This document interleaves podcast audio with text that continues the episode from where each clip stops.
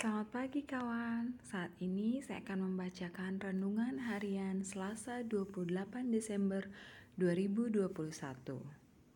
Bacaan dari Lukas 2 ayat 8 sampai 20. Lukas 2 ayat 10 berkata, Kata malaikat itu kepada mereka, "Jangan takut, sebab sesungguhnya aku memberitakan kepadamu kesukaan besar untuk seluruh bangsa. Yang terbuang, yang dipedulikan. Di masa itu, pekerjaan sebagai penggembala ternak mungkin dianggap sebagai salah satu pekerjaan rendahan. Pekerjaan penggembala dianggap hina karena siang dan malam, bahkan berhari-hari lamanya mereka harus tinggal bersama kawanan ternaknya. Dan lagi, pekerjaan itu adalah pekerjaan penuh risiko di mana mereka harus selalu waspada terhadap serangan binatang buas yang sewaktu-waktu menyerang mereka. Pekerjaan yang dianggap rendah secara tidak langsung mempengaruhi cara pandang pelakunya yang merasa diremehkan dan direndahkan.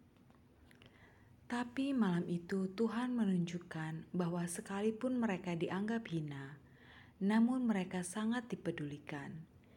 Siapa menyangka jika berita sukacita bagi seluruh bangsa, yaitu kelahiran juru selamat itu, justru diberitakan untuk pertama kalinya kepada mereka. Tidak berhenti di situ, Tuhan pun menuntun mereka untuk bertemu dengan bayi Yesus raja yang dilahirkan di tempat hina itu. Inilah yang disebut dengan kasih karunia Allah, bahwa Ia telah memilih dan mengizinkan kaum yang terpinggirkan menjadi yang pertama bertemu dan menerima anugerah dari Sang Juru Selamat dunia. Apa yang dialami oleh para gembala sesungguhnya menuntun kita pada makna Natal yang sesungguhnya Natal yang sejati terjadi ketika Sang Juru Selamat dikaruniakan secara ajaib oleh Allah dan diterima di hati yang tulus oleh manusia yang lemah dan tak berdaya. Kita yang kita yang dianggap hina dan terbuang oleh dunia, namun oleh kasih karunia-Nya, Ia memilih hati kita untuk menjadi tempat baginya untuk lahir dan bertahta.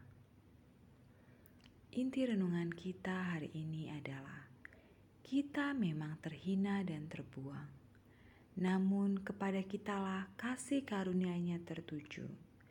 Ia memilih hati kita untuk tempat kelahirannya. Amin.